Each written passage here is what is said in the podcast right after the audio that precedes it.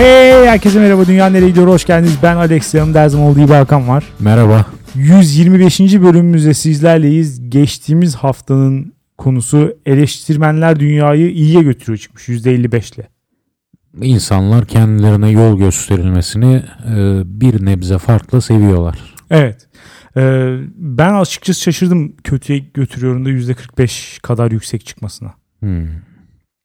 Ya bu kadar bir eleştirmen şeyi var mı? Karşıtlığı. Herkes sanki bir, bir miktar saygı duyuyor eleştirmenlerin yaptığı işe gibi düşünüyordum. Belki de ankete cahil cühela kesim. Onlar karıştı. Olabilir. Organize bir yolsuzluk sonucu böyle bir sonuç çıkarılmış olabilir. Evet. İkinci konumuz da düzenli alışkanlıklar dünyayı iyiye götürüyor. %83 ile. İnsanlar sıkıcı olmayı istiyorlar. Evet ya da bunun sıkıcılık anlamına gelmediğini düşünüyorlar benim gibi. Ee, Dünyaneregidiyor.com'a gelen yorumlara bakalım. Mr. Todd demiş ki oyunlar hakkında bilgim muazzam ama programa çıkacak kadar özgüven ve kendimi ifade etme potansiyelim yok maalesef. Yoksa bu kadar çok oyun oynadığın için mi? Yahu 80 milyon mu dinliyor orayı sanki? Evet ya. Ne alaka gelsin Katıl, lütfen. Gel bence. Mr. Todd bekliyoruz e, detaylarını. Rutinlerle ilgili kesinlikle katılıyorum. Misal askerlikte düşünmeden sadece verilen emirleri yapmak beni öyle rahat hissettiriyordu ki hiç düşünmeye gerek yok. Ne yapılması gerekiyorsa rutin bir şekilde söyleneni yap. Oh ne rahat. Bence disiplin ve rutin hepimizin hayatına uygulamak istediği ama başaramadığı iki güzel erdem demiş. Sen de askerlik konusunda böyle mi düşünüyorsun? Ben yapmadığım için konuşmak istemiyorum bu konuda.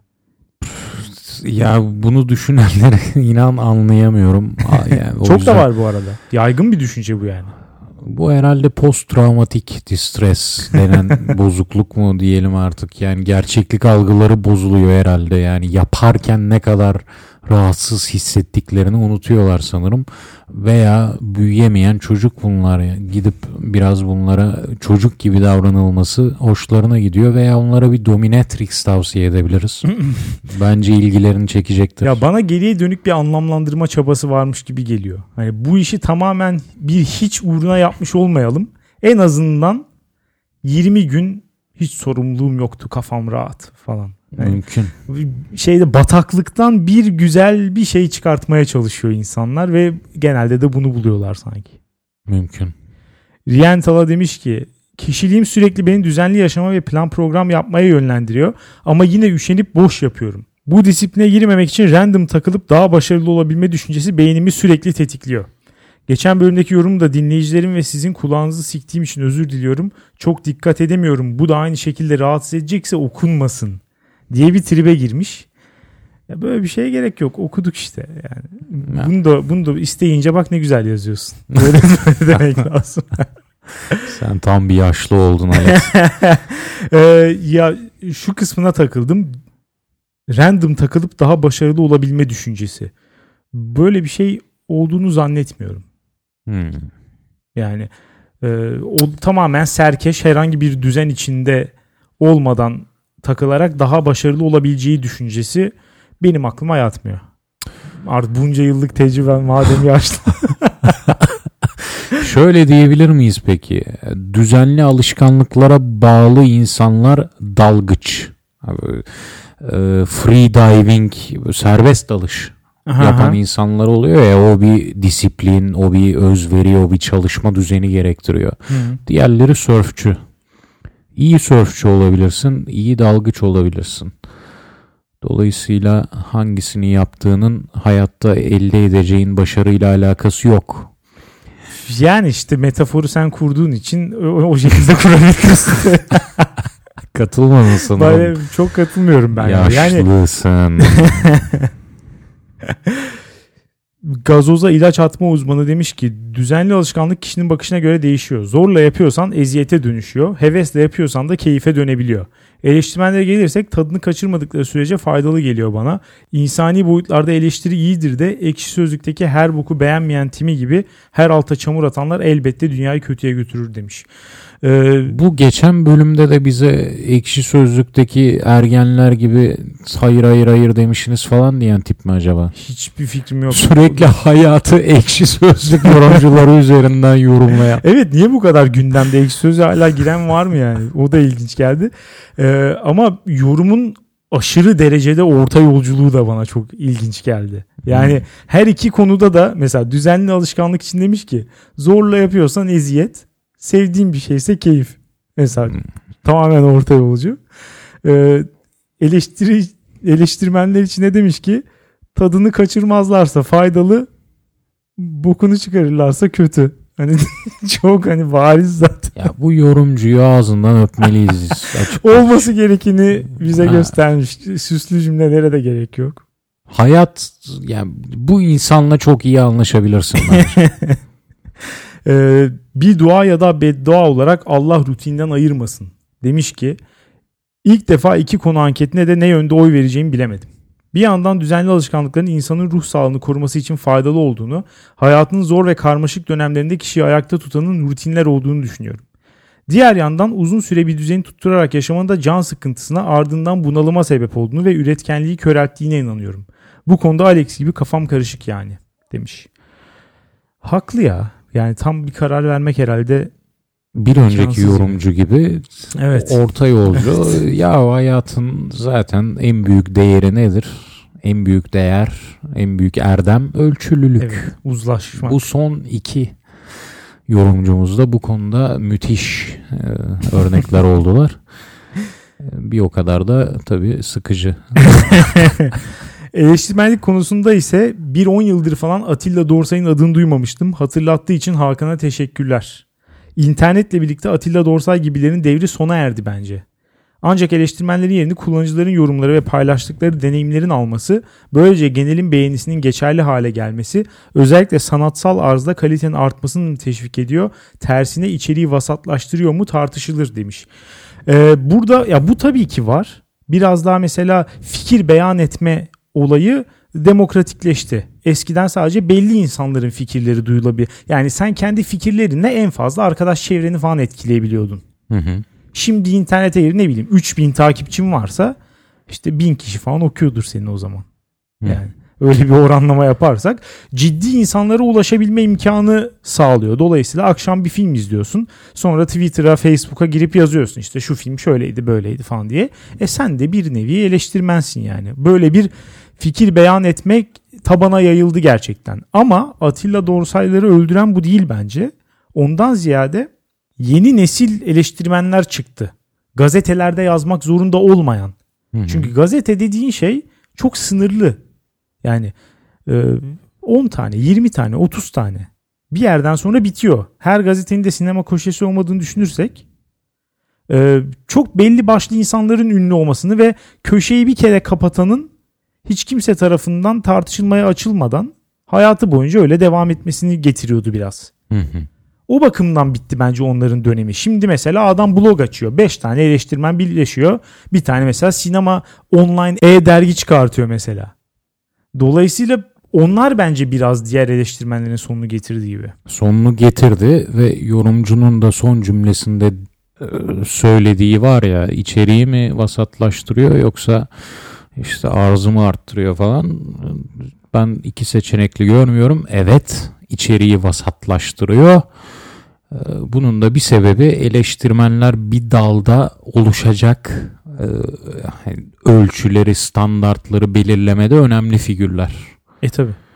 Bunu da ne kadar demokratize edersen o kadar vasata doğru gidersin bir alanda. Ee, Dolayısıyla içerik vasatlaşmasına sebep oluyor bu. Ya işte şey olabilir gerçekten.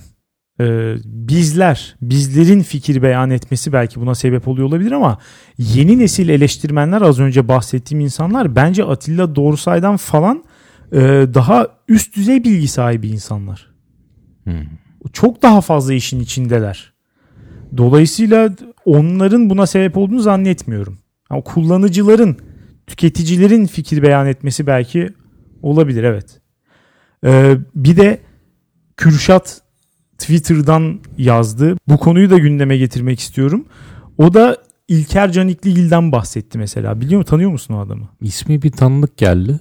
Ya kendisi de yönetmen ama asıl yönetmenliğinden çok YouTube'da yaptığı programla falan tanınıyor. O programda işte e, güncel işlerin çoğunlukla eleştirisi. Aslında bir sinema eleştirmeni gibi bir şey oldu. Hmm. Mesela o da verdiğim örneğe örnekle uyuşuyor. Yani çok e, üst perdeden ve ukala bir şekilde eleştiriyor. Ve Hmm. gayet ünlü yönetmenleri ve çok işte sevilen yönetmenleri falan. Ama kendisi de bir yönetmen. Mesela orada iyice garip bir dilemma var bence. Çünkü mesela geçen bölümde şeyi konuştuk ya. Bir eleştirmene ya benim gönlüm el vermiyor şey demeyi.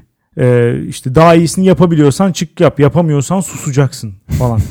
Bunu demeye gönlüm el vermiyor ama İlker Canikli ile diyebilirim. Çünkü kendisinin de mesleği bu zaten. Yani sen kendin ortaya doğru düzgün bir iş koyamamışken kendi meslek dalında Şu an gerçek mi söylüyorsun? Böyle mi düşünüyorsun? evet aynen Hmm. kendin e, ortaya doğru düzgün bir şey koyamamışken nasıl bu yönetmenleri bu kadar sert eleştirebilirsin meslektaşlarını? Yumuşak mı eleştirsin? Evet bak yumuşak eleştirmesi gerekiyor. Neden biliyor musun? Çünkü bunu neden yaptığını da bu arada biliyorum. Tık için. Bütün olay bu. Hani ne kadar böyle köşeli olursan mesela işte Lantimos'u eleştirmiş. Tamam mı? Yunan yönetmen var ya Lantimos. Hmm. Lobster'ın yönetmeni. Hmm. işte Favorite'ın yönetmeni falan. Hmm. Şimdi ya filmlerindeki mesela işte e, senaryoda mesela alt metni beğenmedin diyelim ki. Ya da bazı tekniklerine karşı çıkıyorsun falan. Bunlar olabilir. Çık anlat neden beğenmediğini ve işte sen olsan nasıl yapardın falan onları da söyleyebilirsin. Ne de olsa sen de yönetmensin. Hı hı. Bunları ben de ilgiyle dinlerim. Ama çıkıyor diyor ki mesela Lantimos adam değil ya. Abi sen Ahmet Çakar olamazsın sen ya.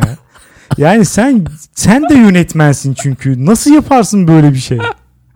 O zaman senin madalyaların nerede diye sorarım yani. Senin çektiğin filmleri de bir izleyelim o zaman. Müthişmiş. Ya işte arada. herkesin Müthişmiş. herkesin böyle davranması bir yerden sonra işin Evet. değerini maalesef kaçırıyor. E tamam Onu bir biz yapalım bari. Yorumcu ne dedi? Vasatlaşıyor dedi. Haklı. Haklı çıktı işte. Şu an adamı Ya yorumcu bu adamın kendisi de kadını yönetmen ama. Onun dediği durum çıkardı. burada yok ki. Yani mesela senle Sonunda beni yorum eleştirmen. yapması değil bu. Koskoca bir yönetmen filmlerle ilgili yorum ya. O zaten elit bu konuda. Ama gazetede yazacak olsa böyle yazamaz. O doğru. Mecra olayı tabii ayrı bir şey. Evet. Ama demek ki kendi düşüncesi bu. o zaman böyle ifade etmesini de tercih ederim yani. ifade etmesini rakı sofrasında ben de tercih ederim de oturup YouTube videosunda böyle ifade etmesini tercih etmem. Patetik Idiot demiş ki iş okul gibi zorunlulukla gelen düzen haricindeki insanın kendisini zorla alıştırmaya çalıştığı düzenlilik kadar sınırlayıcı ve heves kaçırıcı bir durum göremiyorum. Bırak saati saatine bir plan yapmayı bundan sonra şu gün şunu yapacağım demek bile bende nefessizlik hissi uyandırıyor. Biraz ekstrem bir durum gibi geldi bana. Yuh. Genel olarak dağınık bir insanım. Zaten söylemeye gerek yok az öncekinden sonra. Ee, ve zamanımı değerlendirme açısından da düzenli olamam. Biraz keyfime düşkünümdür. Belki ondandır bilemem. Ama keyfim o an ne istiyorsa onu yapayım. Dünyaya bir kez daha mı geleceğim? Demiş. Bu ikisi bence çatışmıyor. Geçen bölüm bunu söylemek istemiştim. Yani ben de dünyaya bir daha gelmeyeceğim için düzenli rutinlere sahip çıkmak istiyorum. Anlatabildim mi? Yani geri kalan zamanımın daha çok keyifli geçmesi için yapıyorum zaten bunu. Burada bir e, dikotomi yok. Arkadaşa bunu söylemek istiyorum. Bir dene. Belki de sen de seveceksin. Nasıl yaşıyor merak ettim. Valla bir gününü anlat mı diyorsun? Ay, Onu bile evet. anlatamaz bence. Kadar, Anlatamaz onu anlatırken de sıkılır. Çok merak ettim. Nasıl geç her an istediğini yapmak yani söylediği kadar uçarı geçiyor mu günleri merak ettim. Her an istediğini yapmak yoksa bütün gün film izlemek istiyor, dizi izlemek istiyor ve hakikaten de bütün gün dizi mi izliyor? Bu mu yoksa yani? O sonuç üz- üzücü olur ya. Üzücü bir final olur bu yorum için. Yaşlı sevici demiş ki Selam Alex. Hatırlar mısın bilmem yaşları Yiğit'in götüne soktuğun için burada seni insan yerine koyup uzun uzun açıklama yapmıştım. Heh işte o komentimden sonraki bir bölümü dinledim. Ne var la şaka yapıyoruz eğleniyoruz. Ne var yani sen anlamamışsın ki. Seviyesindeki rezalet savunmanı yarısına kadar falan dinledim kapattım. O zamandan beri de sırf senin sikik argümanlarını duymamak için podcast'i dinlemiyorum. Eminim çok üzülmüşsündür. Hi hi hi. Yani çok üzülmedim az üzüldüm. Niye bir kişi daha dinlemeyi bıraksın yani?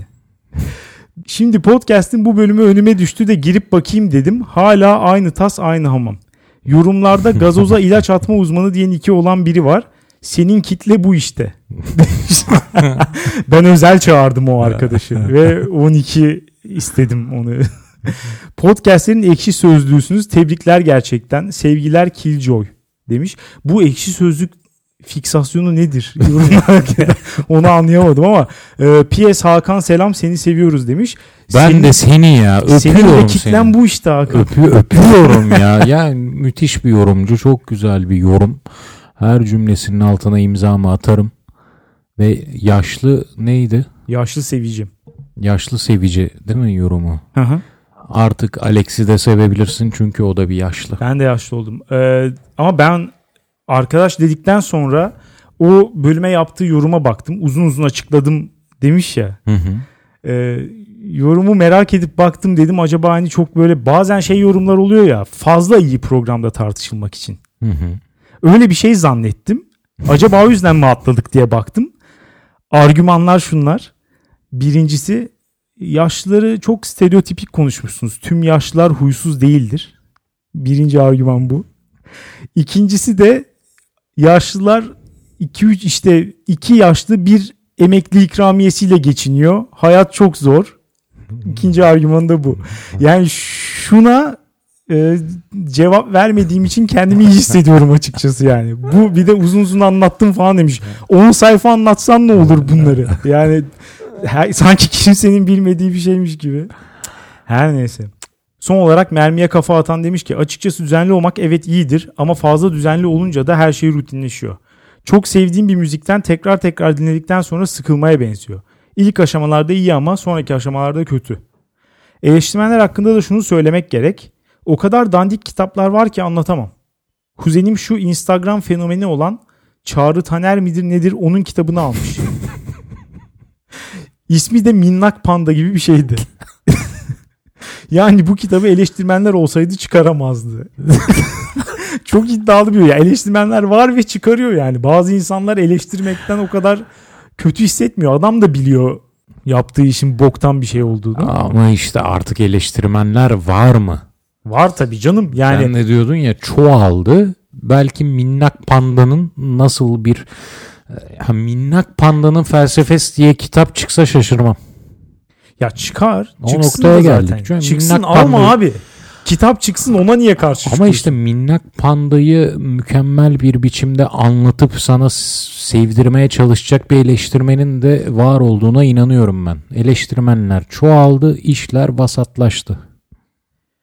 Ya ben bunu bu açıdan görmeyi reddediyorum açıkçası ya. Bu konunun onunla alakasını da göremiyorum yani. Minnak Panda diye bir kitap her zaman çıkabilir. Eleştirmenler kitabın çıkmasını mı engelleyecek abi? Evet. Ya şöyle mi olacak yani eleştirmenler o kadar sertti ki bir dönem. Ha, evet. Kötü kitap çıkarmaya kimsenin götü yemiyordu. Ha. Bu ne abi böyle bir Aynen dönem öyle. mi var? Ya basım evi bir şey korkacak. basım evi diyecek ki "Va, bizi Tabii, itin tabii, götüne sokarlar. Kesinlikle. Abi kitap zaten yerle biri olur Tabii bu diyecek. kitap zaten İş Bankası yayınlarından falan çıktığına eminim yani. Can yayınlarından falan çıkıyordur kesin. Minnak Panda. O yüzden çok önem veriyorlardır yani eleştirmenler. Her neyse ya biz konularımıza geçelim istersen. Geçelim. Başlamak ister misin? Olur başlayayım. Ee, bu bölümün gecikmesinin gerekçesi olan bir konu. Ee, bu hafta şehir dışında bir cenazeye katılmak durumunda kaldım. Orada da cenazeler hakkında çok düşünme fırsatım oldu Hı hı. açıkçası. Çünkü biliyorsun cenazelerle askerliğin ortak noktası var. O da bekleme. Düz duruyorsun. böyle, Ayakta duruyorsun. Yani Doğru. değil mi? Doğru. Durunca da ne yapacaksın? Ortamda çok müsait hakikaten düşünmeye. Seni düşünceye sevk ediyor yani. Hı hı. Bunları düşünüyorsun. o yüzden hani ben de cenazelerle ilgili düşündüm. Sonra da bu kadar fazla düşünmüşken hazır programda seninle tartışayım dedim. İyi yaptın. Güzel konu aslında. Değil mi? e, muallakta kalacak bir konu. İyi mi kötü mü? Evet. Bana sorarsan. Evet. Bence ben bundan bir %50-50 bekliyorum aslında açık konuşayım. Ee, ya programda daha önce konuştuk mu? arada? Sana da sordum. Emin değilim yani daha önce konuştuk mu? Konuşmuş olabiliriz kıyısından köşesinden ama konu olarak getirmemişiz. Daha detaylı konuşabilmek için ben mantıklı buldum. Daha önce de e, düğün konusunda konuşmuştuk. Doğum konusunda evlilik falan her şeyi konuşmuşuz. Bir de cenaze konuşalım dedim yani. Son noktayı da Aynen. konuşalım. Evet. Mesela neler düşündün? Cenaze nasıldı? Sen tabii bu arada kendi yakınının cenazesine katılmadın. Değil. Hayır değil. Ee, yakınını kaybeden birinin arkadaşı kontenjanından gittim. Ya daha önce yakınımı kaybettiğim cenazelerde oldu tabii yani. Ama mesela yakınını kaybettiğin cenazede cenaze kavramı, cenaze pratiği üstüne bu kadar düşünemezsin. E düşünemezsin tabii orada daha çok bir yakınını kaybetmiş olmayı düşünüyorsun daha Hı hı. çok. Burada e, tanımadığım biri sonuçta. Ben Evet. sadece e, üzülen kişi adına üzülebiliyorum. Tanımadığım bir insanın ölümüne üzülemiyorum. Evet ki o da itiraf edelim ki her zaman çok derin bir hüzün olmuyor. Ya olamaz tabii ki. Kendi yakınını kaybetmek gibi olamaz açıkçası. Ee, ya şu bakımdan benim birazcık dikkatimi çekti birkaç nokta. Bir tanesi e, insanların ölen kişinin en yakınlarına bir e, onlardan bir performans beklemesi. Hı hı. Benim çok fena canımı sıktı mesela. Bunu daha önce de rastlamıştım ama bu denli açıkça görmemiştim. Yani herkesin ölen kişinin mesela çocuğundan, eşinden falan bir beklentisi var Hı ve onu görmek istiyorlar. Göremedikleri zaman da garip şeyler yapmaya başlıyorlar. Dedikodular döndü mü? Niye ağlamıyor ya? Evet, diye. böyle konuşuluyor bu arada. Wow. Bana çok garip geliyor gerçekten. Yani herkes hani e, birisini kaybetmeyi aynı şekilde karşılamak durumunda değil herhalde. Herkesin karakteri farklı. Acıyla başa çıkma yöntemleri farklı falan. Ama hani kafamızda bir rol var. Mesela birisinin çocuğu ölünce ne yapması gerekir? Herhalde ağlaması gerekir. Perişan olması gerekir. Hı hı. Olmadıysa meğer, yani mesela onunla ilgili çeşitli spekülasyonlar başlıyor. Hı. Bu mesela bana çok garip geldi gerçekten. Garip ama iyi mi kötü mü? Ya buna kötü diyebilirim açıkçası ya. Yani bu kadarı birazcık e, fazla gibi geliyor bana. Yani Bana da iyi geldi şu an biliyor musun? Ne açıdan? bu tarz komünal aktiviteler, geleneksel, işte Hı. cenaze, düğün dedin, doğum dedin. Bunlar yakınların toplanıp ortamı bir dedikodu kazanına çevirmesi için bir bahane gibi geliyor bana. evet. Ve bu oldukça da daha hani daha bir işlevini yerine getiriyor gibi geliyor bana bu. ya tabii ki zaten şeyler. bir şey olayı da var. Ee, hani herkesin bir araya gelmesini sağlama gibi bir işlevi de var cenaze ama ya dedikodu olmasını demiyorum da bu şekilde olmamalı bence. Biraz yanlış bir yaklaşım. Bu arada mesela şimdi kötü diyorsun ya kötü dediğin şey de e, hani cenaze sahiplerinin davranışlarıyla ilgili varsayım sahibi olanlar. Evet. Değil mi? Evet. Bu kötü bir şey bence. Ben de Ve mesela yani insanlara e, bu yönde bir baskı oluşturuyor açıkçası. Çünkü işte ya bugün onun cenazesi yarın senin. Evet. Bir şey yok. Şimdi ama mesela ben de bu muhabbeti duyduğum için dolayısıyla bundan sonra nasıl davranmam gerektiğine dair bir fikir sahibiyim artık ben de. Benim de üzerimde böyle bir baskı oluştu yani. oluştu değil mi? Ben de bir zamanlar cenazelerde her insanın nasıl davranması gerektiğine dair katı kurallar olduğunu düşünüyordum. ben de yine yakınım olmayan birinin cenazesine katıldım. Yahu ayaküstü işte dedikodular dönüyor. Uzun zamandır görmeyenler birbirini konuşuyor falan.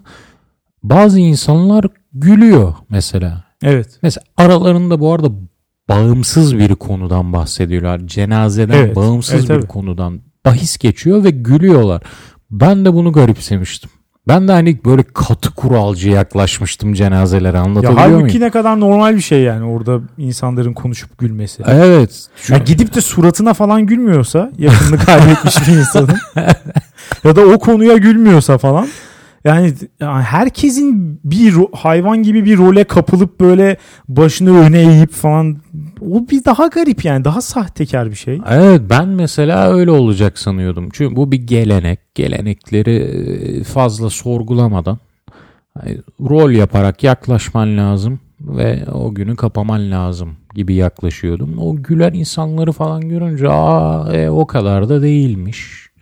Ama bir yandan da içimde hala o tutucu his var. Bu tarz geleneklerde bazı davranış kodları vardır. Yapacaksın. Bu mesela eğer senin yakınının cenazesi ise inancın olmasa bile gittin başında dua okunuyor elini kaldır. E tabii ki canım oku ya evet. Ritüele katılmak Hı hı. ayrı bir durum ama nasıl katılacağımı da ben seçeyim yani. Evet. Bana öyle geliyor. Ee, ikinci bir konu şunu düşündüm. Eskiden şu görüşe sahiptim. Ee, Türk cenazeli ya bizim içinde yetiştiğimiz kültür Türk ve İslam Hı hı. e, cenazeleriyle Batı cenazeleri arasında ciddi bir fark var. Hı hı. E, ben eskiden onların yaptığı cenazenin daha e, işlevli, daha mantıklı, daha iyi olduğunu düşünüyordum. Bu görüşüm zaman içinde değişmeye başladı. Şu an tamamen Türk-İslam sentezi taraftarıyım ben de artık. Neden o batıdaki gibi onu tanıyan insanların, ölen insanı tanıyan insanların çıkıp hakkında konuşmaları falan bunlar güzel değil mi? Ya o kısım güzel geliyordu. Hala daha ona çok fazla itiraz edemeyeceğim açıkçası ama biraz daha mekanik geliyor bana o. Ya öldüğü gibi bunu yapmak da biraz e, ne bileyim daha ekstrem. Yani bizi ölüm gerçekliğinden çok fazla uzaklaştırıyormuş gibi geliyor bunu yapmak. Hı. Halbuki e, hani ölüm işlemlerine olduğu gibi katılma bir miktar daha sanki özellikle ya cenaze yasın başlangıcı sonuçta. Birini kaybediyorsun. İlk önce cenazesini yapıyorsun. Ondan sonra yavaş yavaş hani bir atlatma işlevi de var. Şu an e, yakınını kaybeden biri perspektifinden bakıyorum. Hı hı. E, mesela şeyden nefret ederdim açıkçası. E, ya bir kere dini kısımlar zaten birazcık garip hissettirir insana diye düşünüyorum. Daha yakın zamanda birisini kaybetmişsin. Hemen işte yarım gün sonra yıkamaya giriyorsun mesela. Ya da işte ya, ya değil mi biraz şey yani çok sert bir e, süreç. Yıkama olayına ayrıca gelelim çünkü ya o Evet. psikolojiyi ben aklım almıyor ya. Daha sonra Ölen işte- birini tanımasam bile Evet. yıkamak of. Daha sonra işte ne bileyim tabutu taşıma. işte cenaze namazını kılma. Ondan sonra gidip defnettikten sonra mesela kürekle toprak atma Hı hı. falan. Bunların hepsi seni ölüm düşüncesine alıştırıyor bence. Bunu hissetmeye başladım ben giderek. Ve bununla ilgili bir tane şey de vardı. Ee, işte bir hani yazı da vardı. Bu tip ritüellere ne kadar fazla ve içten katılırsan o kadar daha fazla e, rahatlayabiliyorsun. Üzgünüm bu fikre katılamayacağım. Bana çok böyle gibi gel- gelmeye başladı artık. Ölümü ne kadar uzak tutarsak o kadar iyi. Mesela şu cenazelere ne diyorsun? Genelde yine batıda görülen. Ee, vasiyet etmiş ee, o adamın cenazesinde gidiyorlar eğleniyorlar ee, işte şaraplar açılıyor içiyorlar bir güzel parti müzik öyle geçip gidiyor mesela cenazesi insanların toplanıp eğlenmesi için bir vesile oluyor buna ne diyorsun? Ya bu hoşuma gidiyor ama mesela bunu e, ne bileyim önce cenaze töreni, o ritüel sonra akşamında da o olabilir mesela. Buna bir engel yok bence. Küre Olmalı bence. attıktan sonra nasıl Evet. gidip eğleneceksin ya? E, ya asıl öyle eğlenirsin bence. Ancak o zaman eğlenebilirsin. Ancak ölen kişi sana benim cenazemde eğlenin diye vasiyet ettiyse ve bakın tamam işte et, şu yine müzikle etsin. playlist bırakması lazım. Ya var öyle yapanlar. Publarda falan. YouTube'da öyle videolar var. Evet. Şarkı söylüyorlar arkasından. İrlanda'da falan böyle. Evet. Ya tamam çok eğlenceli ama bu ikisi birbirinden ayrılması gereken şeyler değil bence. Yani ben bir yakını olsam bu kişinin her ikisini de yapmak isterim. Ya bir suratına toprak attıktan sonra akşamına nasıl kop kop yapacaksın ya? Ya yapacaksın çünkü öyle istemiş. Yani İşte bir öyle. de bir de şöyle bakmak gerekiyor olaya. Yani o bir sayfanın kapanması var orada. Hı hı. Yani hayatında olan bir şey artık yok ve onunla bir şekilde vedalaşman gerekiyor. Orada vedalaştım. Sonra mesela akşamına da onun yaşadığı hayatı kutlamak için gayet bir bara gidip sarhoş olabilirim, şarkı söyleyebilirim. Bana hatta tam olarak ikisini birden yapmam gerekiyormuş gibi geliyor. Ama bu bahsettiğin yazı vardı ya bu tarz ölüm içeren ritüellere ne kadar katılırsan o kadar daha atlatman kolay olur. Evet. Şimdi bu yazının bence esas teması şu. Üzülmeni sağlıyor bu tarz ritüeller. Yani o tabutu taşırken daha bir. Bence üzülmekten bunu ziyade bence- gerçekliğini fark etmeni sağlıyor. Ha işte sana diyor ki ölümü kabullen. Ölüm aşırı üzücü, aşırı seni hüzne sevk edecek bir şey. Bu Orayı sen hüznü, katıyorsun. Bu acıyı kabullen. Bence bunun altyapısı bu. Bunun bu yazının varsayımı bu. Hani reddetme. Bu reddediş aşamasını terk et. Direkt hüznün acının içine gir ki atlatman daha kolay olsun. Dolayısıyla Ben ben böyle olduğunu düşünmüyorum. Hatta bence bu görüşü savunanlar tam tersi ölümün hayatın çok fazla bir parçası olduğunu düşünüyor zaten. Yani tam tersi e, seni ölüme o kadar hani aşina hale getirmeye çalışıyor ki adam hani buna artık o kadar da fazla üzülmene gerek yok. Çünkü zaten bu çok normal bir şey demeye çalışıyor. Hmm. Bana böyle geliyor. Kendimizi ne kadar soyutlarsak o kadar daha garip gelir ölüm. O kadar daha kabullenilemez bir şey gibi gelir. Bu mantık var bence burada. Ama o zaman zaten ikimiz altındaki mantıkta anlaşıyoruz. anlaşmıyoruz. Yapman gereken harekette değil. Ama altındaki mantıkta anlaşıyoruz. Yani ikimiz de o hüznü dibine kadar yaşamamak gerektiğini düşünüyoruz yani. Bunu hani bir şekilde normalize etmek gerekiyor. Hmm. Evet. Bu mantıkta anlaşıyoruz yani. Sen hüznüm acını Farklı şekilde. Ya ben Yani- o ritüelleri gerçekleştirerek bunun olabileceğini düşünüyorum. kanıksama boyutuna varabileceğini düşünüyorsun. Ben de Evet. o ritüelleri gerçekleştirerek kanıksamaktan çok hani daha bir dibine vurup çıkma. Hani dibe vurup çıkma vardır ya. Şişin dibine vurup sekmek. Evet. Ona yarıyor ancak. Ya bu da bu arada kişiye bağlı olabilir. Yani herkesin şeyi farklı. Herkes o ritüellerden de başka bir şey alıyor bu arada. Çok Evet. dindar birisinin aldığıyla benim aldığım da aynı şey değil. O mesela bir son görev falan diye Evet. hani gidiyor.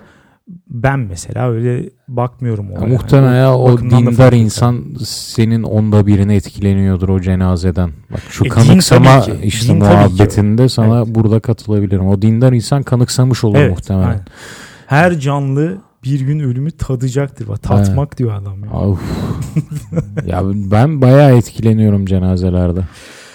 Ya evet ben Şey de etkileniyorum. ama- Ben de etkileniyorum. Ee, bi- bir de sonradan şu olay vardır ya işte cenaze oldu bitti defnettin ölen kişinin evine geldin. Hı hı. Ev sahipleri gelen misafirlere hizmet eder. İşte yemek dağıtır, helva verir, helva kavurur falan.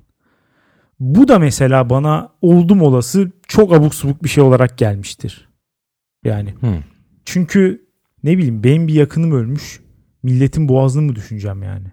Hani bu bakımdan çok şey gelirdi bana. Mesela işte babaannemi kaybettiğimizde eve geliyordu birisi. Gayet böyle hani çok soğukkanlılıkla iki tane pide almış. Yanında bir tane ayran içmiş bitmiş. ikinciyi istiyor mesela. Ya bu mesela benim tepemi attırıyordu falan. Ve dolayısıyla bu ritüelin de abuk subuk bir şey olduğunu düşünüyordum. Ama mesela o düşüncem de değişti son zamanlarda. Ee, bu da herkesin dediği şundan dolayı değil. Mesela buna karşı argüman olarak da herkes şöyle der işte.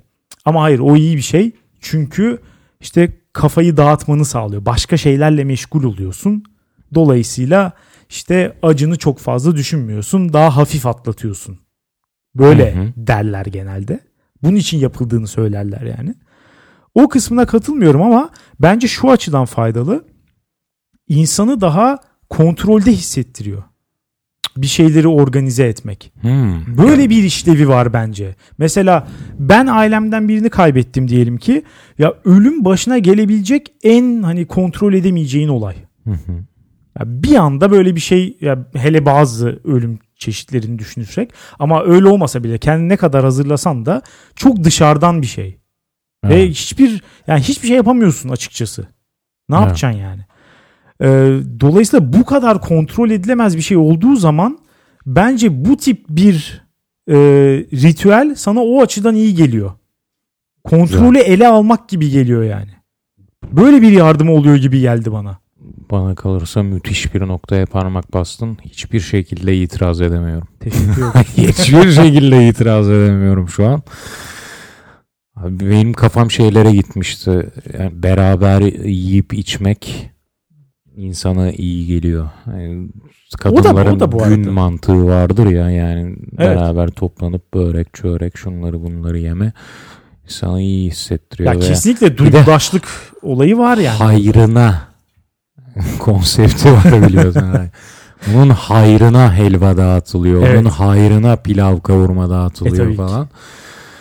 Ama dediğin gibi o işleri organize etmek e, bu hayrınadan daha çok katkı sağlıyor olabilir. Bana da öyle, bana da öyle geliyor. Ee, peki şuna itirazın olur mu? Taziye evlerinde yemeği insanlar kendileri yapmaması lazım. Yemek sepetinden söylemesi lazım. Buna herhalde herkes katılır. Ya açık konuşayım buna hiçbir itirazım yok. Aynı e, senin ahlaken çökmüş bir insan olmana hiç itirazım olmadığı gibi bu söylediğine de itirazım yok. Evet, bu hakikaten yıllardır kendimi bu kadar dejenere hissetmemiştim. Her Ama- türlü yemek artı e, helva yapan yerler de var. Yemek Açıkçası sepeti sepeti. helvanızı kavurur diyebilir miyiz buna?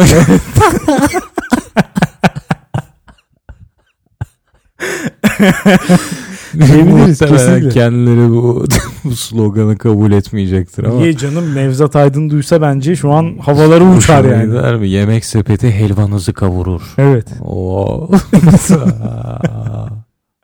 Hatta bir adım öte hani o süreci de yaşamak istiyorsa helva kavuracak insanı da gönderir gerekirse. Bilmiyorum ola- olabilir. Gerçekten. Her neyse bu şekilde sonlandırmak istiyorum konuyu. Bir, biraz şey e, bir geçiş olsun dedim. Sert, Evet. sert, sert geçtik. E, Geçişin makbulü sert olandır. evet. Pardon ben biraz geveze davrandığım için açıkçası senin zamanından da yedim. Hiç problem değil bu sonunda yaptığın altın vuruşla. bu ya inan böyle vicdanımın küçüldüğünü hissettim. Ee, yani fiziken kalbimin altında bir yerlerde bir daralma. Bir Neyse yapan benim. Herkes suçu bana şey yapabilir, atabilir yani. Her ne kadar her ne kadar herkes buna gülse de sonuçta siz yapmadınız. Şu an ben ortamda bulunduğum için radyasyon gibi etkilendim. Yani şu an vicdanım bun, bundan etkilenmemesine imkan Evet, yok. dinleyenlere geçmez ama diyorsun. Bence biraz yani yüzde elli bence yüzde elli oranında onlar da etkilenecektir vicdanları küçülecektir ama teşekkür ederim bu Evet. konu için bu final için Ne demek? Ne demek? Süper final yaptık.